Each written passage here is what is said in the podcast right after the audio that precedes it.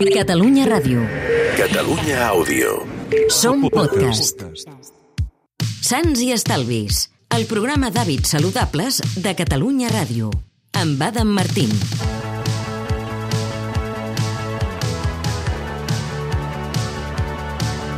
Fa unes setmanes, la Junta de Galícia va anunciar que prohibiria la venda de begudes energètiques a menors d'edat. Poc després, set comunitats autònomes deien que també estaven estudiant com regular-ne el consum.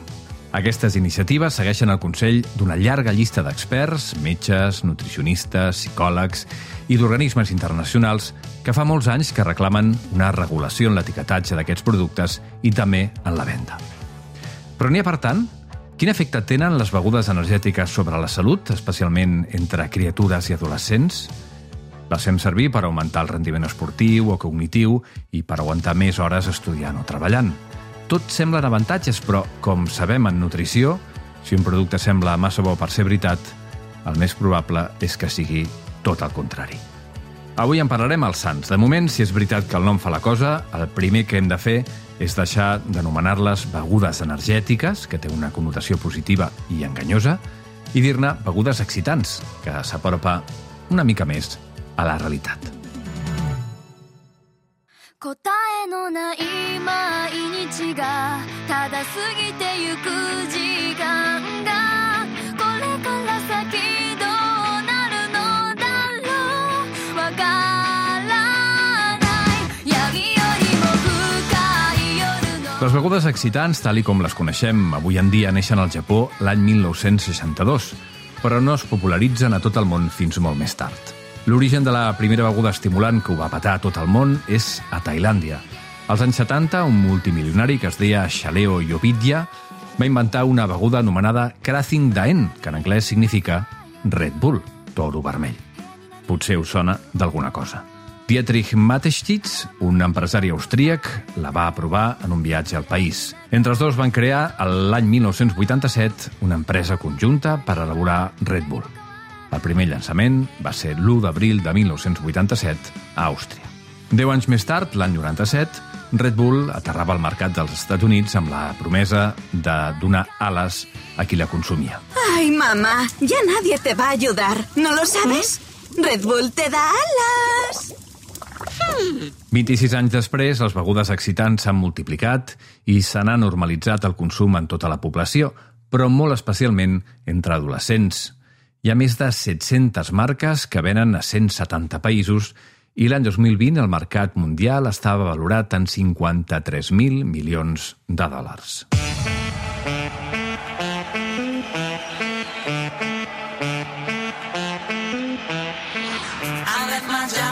Un dels principals problemes no és la beguda, sinó la percepció que tenim de la beguda. Tendim a pensar que són begudes inòcues que ens ajuden a tenir més energia sense cap efecte secundari a canvi. Això fa que en fem un consum excessiu.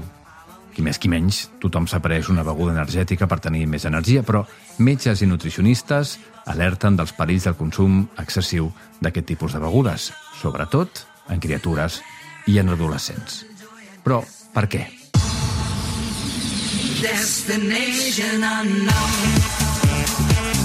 Segons alguns estudis, el consum de begudes excitants en adolescents s'ha multiplicat per 5 els últims 10 anys a tot el món. El que també ha crescut són les visites a urgències relacionades amb el consum de begudes excitants, que als Estats Units, per exemple, es van multiplicar per 10 entre l'any 2005 i l'any 2009. El 2011, l'Autoritat Europea de Seguretat Alimentària, la EFSA, deia en un informe que fins al 68% dels adolescents de 16 països europeus, d'entre 10 i 18 anys, i el 18% dels nens menors de 10 anys havien consumit begudes excitants alguna vegada.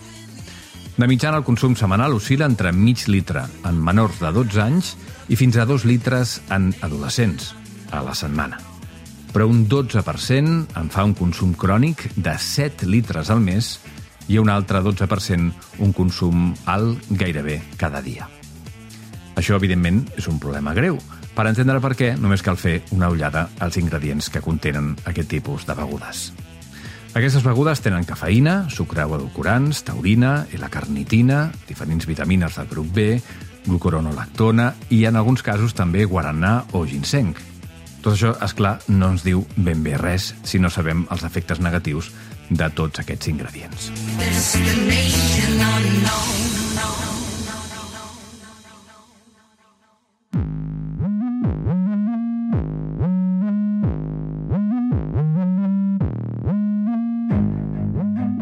Comencem per la cosa més senzilla, el sucre. De mitjana, una llauna de beguda estimulant conté l'equivalent d'uns 55 grams de sucres afegits, que equivalen a 11 cullerades de sucre quan la llauna és de 500 mil·lilitres.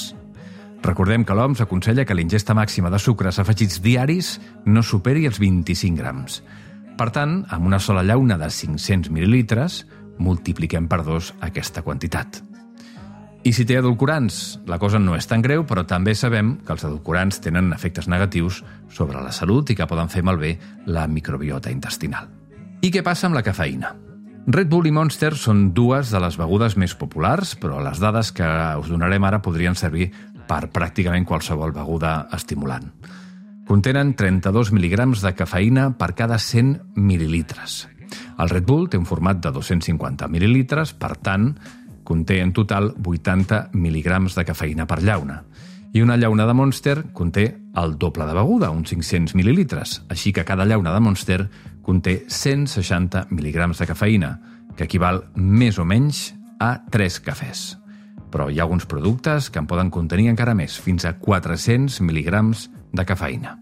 Per tant, cada vegada que el vostre fill o la vostra filla es pren una llauna sencera de 500 mil·lilitres de beguda estimulant, s'està cascant 11 cullerades de sucre i 3 cafès. 3 cafès, 160 mil·lígrams de cafeïna. Però això és molta o és poca cafeïna? La dosi segura de cafeïna que no suposaria un risc per una persona adulta seria d'uns 400 mil·lígrams al dia, que equival això, a unes 4 o 5 tasses de cafè, o dit de forma més precisa, la dosi segura de cafeïna és de 5,7 mil·lígrams per quilo de pes al dia. Per entendre'ns, si peso 60 quilograms, 5,7 per 60 són 342 mil·lígrams de cafeïna al dia. En adults. No més de 4 Red Bulls, ni més de 2 Monsters. Però atenció, estem parlant de quanta cafeïna em puc prendre al llarg de tot un dia. Si parlem de quanta cafeïna ens podem prendre de cop, la quantitat baixa justament a la meitat. Traduït, dos Red Bull o un Monster. El que no sabem encara és quin és el nivell segur d'ingesta màxima de cafeïna en criatures i en adolescents, però segons l'EFSA es considera relativament segur el consum moderat a dosis baixes, 3 mil·lígrams per quilo de pes corporal. Per tant, si el vostre fill pesa 50 quilos, multipliqueu per 3, 150 mil·lígrams. Dosis més altes, entre 100 i 400 mil·lígrams, poden causar efectes fisiològics, psicològics i conductuals adversos, particularment en nens o adolescents que són hipersensibles a la cafeïna, amb trastorns en les condicions psiquiàtriques o cardíaques. És a dir, que una sola llauna de 500 mil·lilitres ja podria tenir aquests efectes. També sabem que dosis altes de cafeïna en persones no adultes comporten trastorns del son que tenen, al seu torn, una relació directa amb l'augment de l'obesitat i amb la resistència a la insulina, que és, com sabem, la porta d'entrada a la diabetis tipus 2. Els fabricants citen aquests mateixos estudis sobre les quantitats segures de cafeïna per defensar els seus productes. Com passava amb l'alcohol, s'amaguen sota el paraigües del consum responsable. Però, al mateix temps, ens bombardegen amb publicitat i amb tota mena d'accions destinades a establir associacions entre les begudes excitants i una llarga llista de valors i atributs positius. Al llibre Beber sin set, el dietista nutricionista Julio Basulto i el pediatra Carlos Casabona expliquen que un comprimit de cafeïna comprat a la farmàcia, d'uns 300 mil·lígrams de cafeïna, té un prospecte obligatori amb 1.500 paraules explicant els possibles efectes adversos de la cafeïna. En canvi, una llauna de beguda excitant, que pot tenir de 180 a 400 mil·lígrams, no porta cap tipus d'indicació. Per què aquesta diferència? Tots els efectes de la cafeïna sembla que es potencien també amb la presència de la resta d'ingredients, la carnitina, glucuronolactona, vitamines, guaranà o ginseng, en alguns casos, o taurina.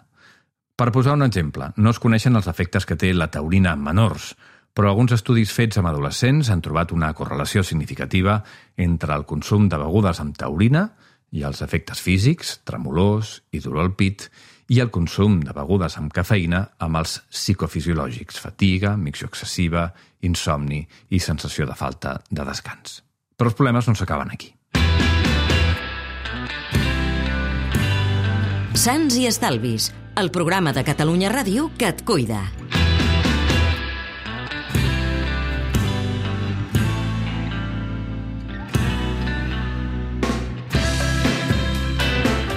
Si el consum s'associa a la ingesta d'alcohol, una cosa bastant habitual en adolescents, el perill de desenvolupar aquests símptomes i malalties creix de manera exponencial, perquè l'alcohol emmascara la sensació de fatiga.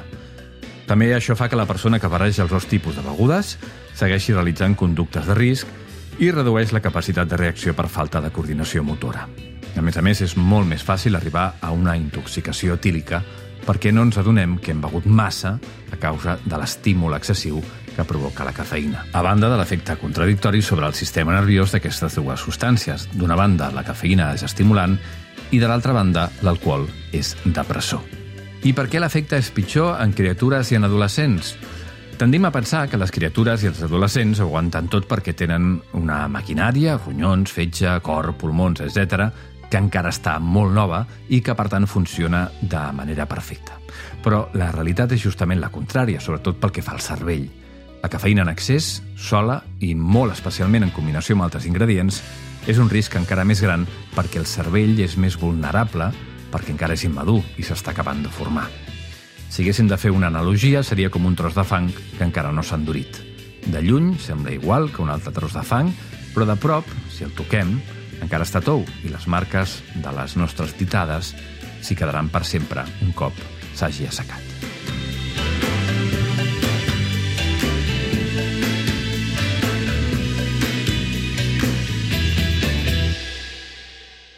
Si sabem tot això, per què no posem el crit al cel quan veiem un nen bevent-se una beguda energètica com sí que faríem si la beguda fos un whisky?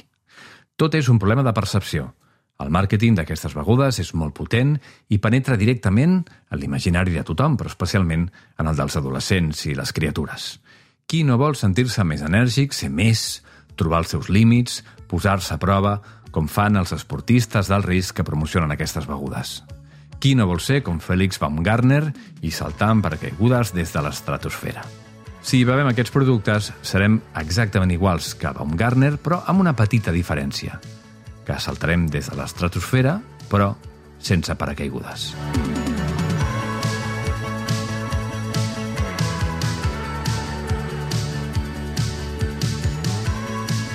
Sants i Estalvis, el programa d'hàbits saludables de Catalunya Ràdio, amb Adam Martín. Catalunya Ràdio. Catalunya Àudio. Som podcast.